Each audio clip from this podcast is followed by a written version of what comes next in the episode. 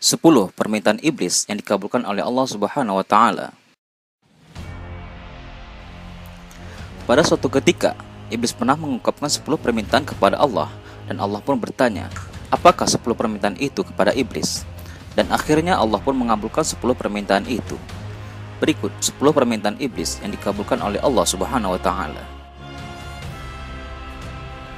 Yang pertama, iblis meminta kepada Allah agar dapat berbagi dalam anak dan harta manusia.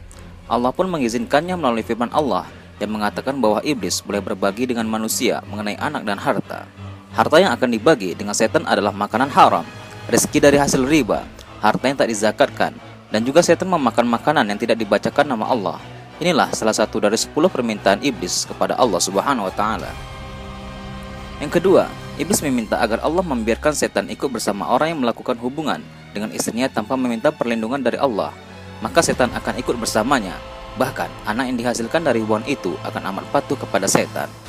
Iblis juga meminta agar Allah menjadikan syair sebagai Quran setan, mengizinkan kamar mandi sebagai rumah setan, mengizinkan pasar sebagai masjidnya setan.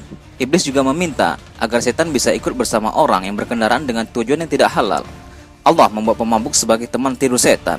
Allah memberikan setan saudara berupa orang yang membelajarkan hartanya dengan tujuan untuk melakukan maksiat. Sebagai dalilnya, menjelaskan bahwa orang-orang yang suka boros adalah saudara dari setan.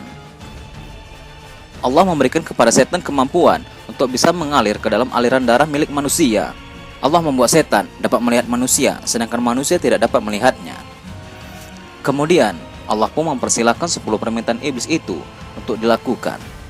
Nabi Muhammad SAW tidak takut akan perkara itu menimpa umatnya hingga hari akhir.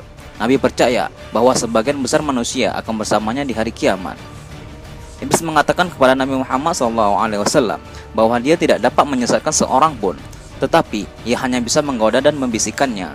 Apabila iblis dapat menyesatkan manusia, maka tidak akan ada manusia yang taat kepada Allah. Seperti halnya Nabi Muhammad SAW yang tidak bisa memberikan hidayah sedikit pun karena beliau hanya Rasul yang menyampaikan amanah.